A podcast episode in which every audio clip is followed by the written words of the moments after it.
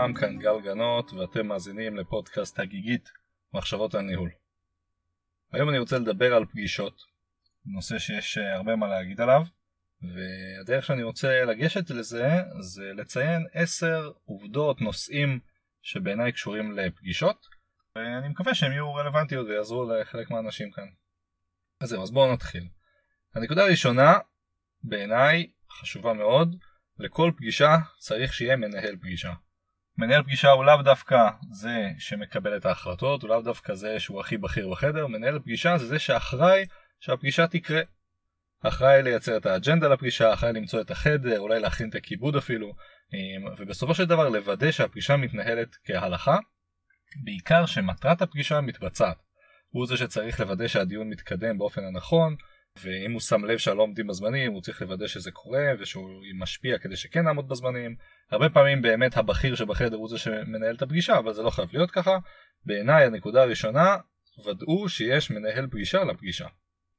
הנקודה השנייה קצת יותר כללית בעיניי יש כל מיני סוגי פגישות אוקיי והפגישה מתנהלת באופן שרלוונטי לסוג הפגישה. אני מחלק את זה לארבעה סוגי פגישות. הסוג הראשון היא פגישה אישית אוקיי זה יכול להיות פגישת היכרות זה יכול להיות פגישת סטטוס one on one, זה יכול להיות פגישת סטטוס מנהל מול הצוות שלו, וזה גם יכול להיות שיחות אה, יותר קשוחות כמו שיחות שימוע לפני פיטורין, אבל בסוף השיחה הראשונית, השיחה האישית הזאת, היא בעיניי איזשהו סוג פגישה מסוים. הסוג השני הוא פגישות שאני מכנה פגישות לסיעור מוחין, פגישות חשיבה, פגישות שבהם דנים על איזשהו רעיונות בפורום רחב במטרה אה, לעורר אחד את השני ולנסות לייצר יחדיו איזשהו דפוס חשיבה שלא היה קורה לבד. אני אוהב את המשפט אין סכין מתחדדת אלא על ירך חברתה. מה שאומר שהמונח היהודי הזה של החברותא, שאומר שעדיף שכמה אנשים ילמדו ביחד, כי ככה הם לומדים יותר טוב, נכון גם בהיבטי פגישות למידה, כשיש יותר אנשים בחדר, ככה הידע שאנחנו מייצרים יחדיו, בעיניי יותר טוב. אז זה סוג השני של הפגישות. הסוג השלישי, בעיניי סוג מאוד נפוץ, דילמה וקבלת החלטות. מתכנסים הרבה אנשים, בראש השולחן יושב מקבל ההחלטות והוא צריך לקבל את ההחלטה, והוא מקבל את ההחלטה לאור השיח שמתקיים בפורום הזה. זה אומר שאם למשל הדיון הזה, מסוג הזה, יתבצע ולא יתקבלה החלטה בסוף הדיון, כנראה שהמשימה לא הושגה והפגישה לא הייתה טובה. יכול להיות שזה דיון כל כך מורכב שצריך לקיים עוד פגישה בנושא, אבל בסוף דיון מסוג דילמה וקבלת החלטות צריך להסתיים בקבלת החלטות. זהו, הדיון האחרון, הסוג האחרון מבחינתי, הוא מה שאני קורא לו פגישות fun, פגישות כיף, אמ, זה בדרך כלל יותר בהיבטי עדכונים הדדיים. סוג הפגישות הזה בעיניי למשל הוא פחות פורמלי, אפשר לאחר אליו, זה פחות נורא, יותר מצחיק, יותר אווירת הוואי ודברים יותר כיפים, פחות נוקשה, במטרה לייצר איזשהו גיבוש. זהו, אז מבחינתי אלו ארבעת הסוגים, יכול להיות שיש עוד פגישות, בעיניי אלו הדברים היותר גנריים, ובאמת יש הבדלים בעיניי די ברורים בכל אחד מהם. אה, חלקם ציינתי, אה, אני יכול גם להגיד שלמשל הפגישת היכרות היא בטח הרבה יותר אינטימית, בחדרים יותר קטנים, אה, בטח כלל בטון יותר שקט ונעים, יותר מצומצמות בדרך כלל. פגישות ציור המוחין הן פגישות שבהן קונספט הוא חשיבה, כלומר צריך להיות פתוחים, צריך לתת לכולם לדבר, צריך להקשיב בעיקר, וגם ה action items לאו דווקא נחוצים כלומר זה לא שבפגישת סיעור מוחין צריך לסיים באוקיי אז החלטנו שלא זה יכול להיות שזה שיח מפרה וגם אחרי זה יצטרכו לחשוב על זה עוד בפגישות הבאות עד שהיא תתקבל איזושהי תובנה שאפשר יהיה להפוך אותה ל action item. וזה שונה דרך אגב מה, מהסוג הבא של הדילמה וקבלת החלטות שכאן זה ברור שצריכה להתקבל החלטה בסוף. זהו נתתי דוגמה פה לכמה סוגי פגישות כמו שאני רואה אותם. הנקודה השלישית היא נקודה שבעיניי אה, חשוב לזכור אותה כשמקיימים פגישות פגישות מבזבזות זמן של הרבה מאוד אנשים, אוקיי? אני אוהב תמיד לספר פה את משל האוטובוס, שזה אומר שאוטובוס נוסע וככה יש איזשהו אה, נוסע שמאחר אותו ומתחיל לרדוף אחרי האוטובוס ולדפוק על, ה, על הצד של האוטובוס ככה, ואז אה, אחד הנוסעים אומר לנהג למה אתה נוסע תעצור יש פה איזה נוסע שמנסה להשיג את האוטובוס. אז אומר לו הנהג תשמע אם אני אעצור עכשיו זה 10 שניות שאנחנו נצטרך לחכות. אז uh, אומר לו הנוסע, מה זה 10 שניות, מה הבעיה ב-10 שניות? אז הוא אומר לו, לא, זה לא רק 10 שניות, זה 10 שניות כפול כל האנשים שיושבים באוטובוס. למשל האוטובוס הזה בעיניי הוא דומה מאוד לישיבות. כשאני מקדם ישיבה ומגיעים לישיבה, לא יודע, 5, 10, 15 אנשים, אני מבזבז את הזמן של הרבה מהם. עכשיו, מבזבז את הזמן רק במידה שהכנסתי אנשים לא רלוונטיים או שהפגישה לא, לא טובה ולא יעילה או לא מספיק אפקטיבית. אבל המשמעות היא שצריך לקחת בחשבון שכשמזמנים פגישה של שעה, הולך לאיבוד שעה כפול כל האנשים שבפגישה, אם הפגישה לא השיגה את מטרתה. ולכן בזימוני פגישות צריך להיות מאוד קפדניים, לזמן רק שבאמת צריך, ולנסות בעצם להתאים את הזמן לפגישה הנכונה, ואני ארחיב על זה עוד מעט. אבל הנקודה השלישית בעיניי, תמיד צריך לזכור את משל אוטובוס, פגישות מבזבזות זמן לכל האנשים שנמצאים בשם, או לפחות עלולות לבזבז זמן, ולכן הקפידו לזמן פגישות רק כשצריך ואת כמות הזמן הנחוצה, ולהביא את האנשים שבאמת צריכים להיות שם. הנקודה הרביעית היא בעיניי אה, קשורה באמת לאורך זמן שלוקחת פגישה. כאן אני גם רוצה לספר סיפור. היה לי לפני כמה שנים, הייתי באיזשהו דיון אה, שניהל אותו אה, אדם מאוד יצירתי. הדיון היה ב-40 דקות, ואחרי 25 דקות, משהו כזה, אומר מנהל הדיון, חברים, אני מתנצל, נכנס לי משהו ממש דחוף, אנחנו צריכים לסיים את הפגישה בעוד 5 דקות. כלומר במקום שתהיה 40 דקות, אחרי 25 דקות הוא הפך אותה לחצי שעה אה, וכולם ככה נלחצו כי הם הרגישו שהם עוד לא הספיקו להעביר את כל המסרים שלהם ובחמש דקות האלה בין ה-25 לחצי שעה היה סבב מאוד מהיר, כל אחד אמר את דעתו וכולם התכוננו לסגור את זה אחרי חצי שעה באמת. ואחרי שהגענו לחצי שעה אמר מנהל הדיון, האמת חברים, סתם אמרתי לכם את זה, יש לנו עדיין את עוד 10 דקות, פשוט רציתי שכולנו נהיה ענייניים ונגיד את התכלס. ועכשיו בואו ננסה לסכם ב-10 דקות שנשארו.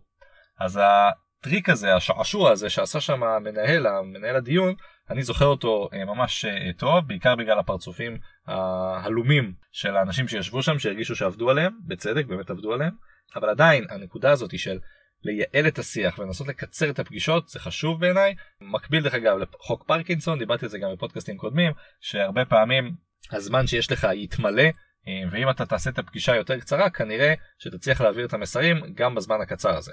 שוב, לא צריך להקצין, אי אפשר לעשות פגישה של שעה בשלוש דקות, אבל כן, לזמן 20 דקות, 25 דקות, 40 דקות, 45 דקות. אני דווקא חושב שלזמן פגישות של זמן שאינו שלם, כלומר לא שעה וחצי שעה, אלא דברים באמצע, זה דווקא יותר יפה אה, ויותר מרשים אותי. כשאני רואה מישהו מזמן פגישה של 45 דקות, זה מרשים אותי. אני אומר, או בוא, הוא מודע לזמן, הוא מודע לחשיבות הזמן, והוא לא רוצה לזמן פגישות של שעה כי הוא הולך בעדר כמו כולם. אז זה ככה הנקודה רביעית בהקשרי זמן של פגישות. הנקודה הבאה היא מה שאני קורא לו הצגת שאלות ברירה או שאלות אמריקאיות. מה זה אומר? בהרבה דיונים שהשתתפתי בהם אה, מנסים לענות על איזושהי שאלה אה, ועושים איזשהו סבב התייחסויות וכל אחד מנסה להגיד מה בעיניו התשובה הנכונה אה, ואם צריכה להתקבל איזו החלטה לפעמים ההחלטה היא לא מדויקת כלומר בסוף צריך מנהל הדיון להגיד מה הוא הבין ממה שכולם אמרו ולסכם את זה במילים שלו.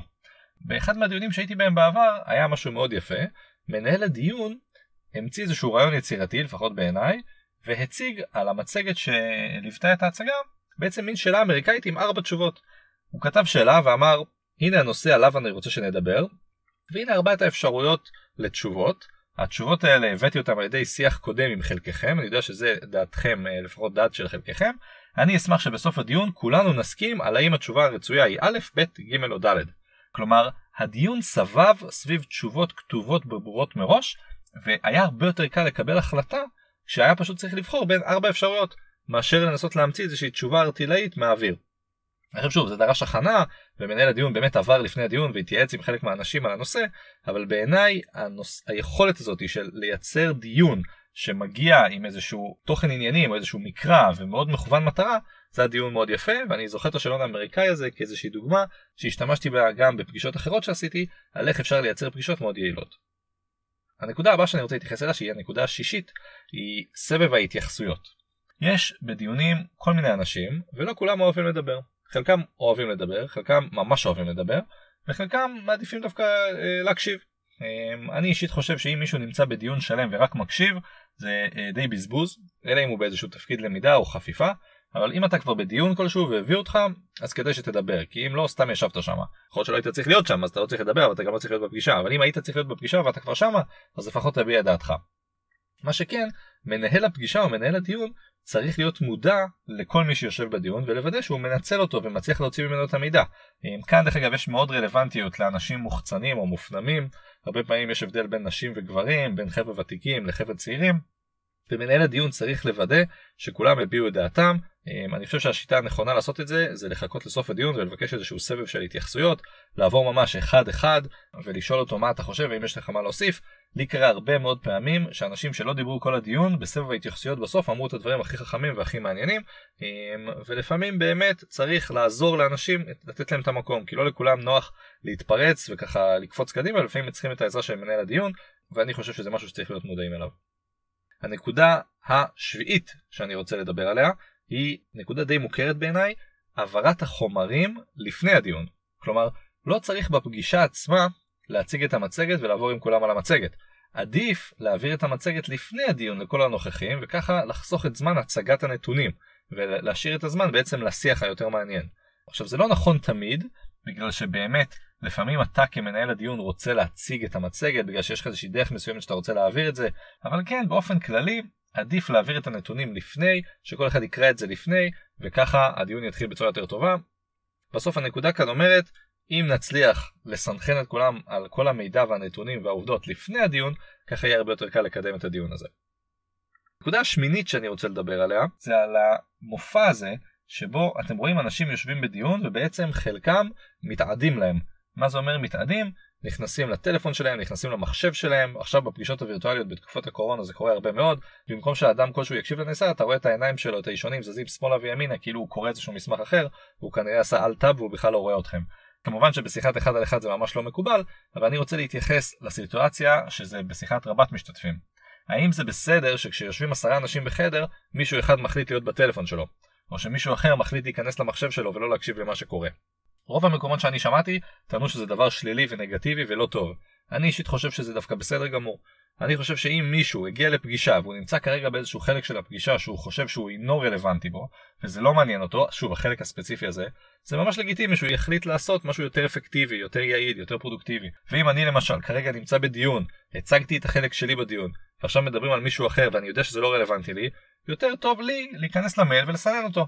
כמובן שאין כוונה להיכנס לאיזה אתר חדשות ולהתחיל לקרוא תקשורת, בסדר? זה לא הדבר המעניין שאפשר לעשות בדיונים האלה.